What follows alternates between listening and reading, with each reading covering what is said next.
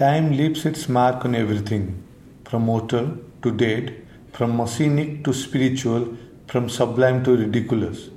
We don't know if anything, any form, or any force in this universe is immune from the spell of time space loop.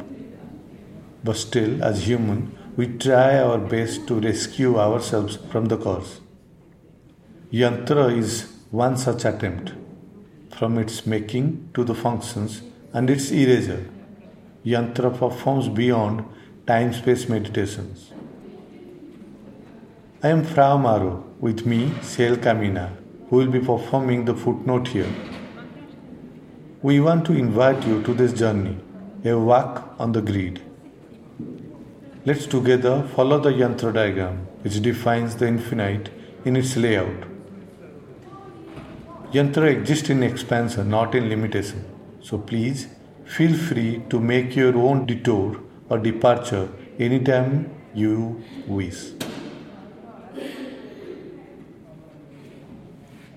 Now, exit the building through the main entrance. When you're outside, draw a yantra on the ground. Feel free to use the drawing as reference.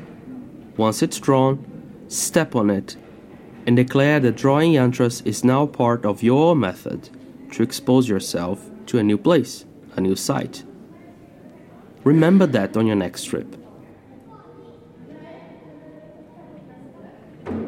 The following track takes place around the next point of interest, the Yellow House. To get to the site, you should walk behind Fyren. Once you're there, play the track.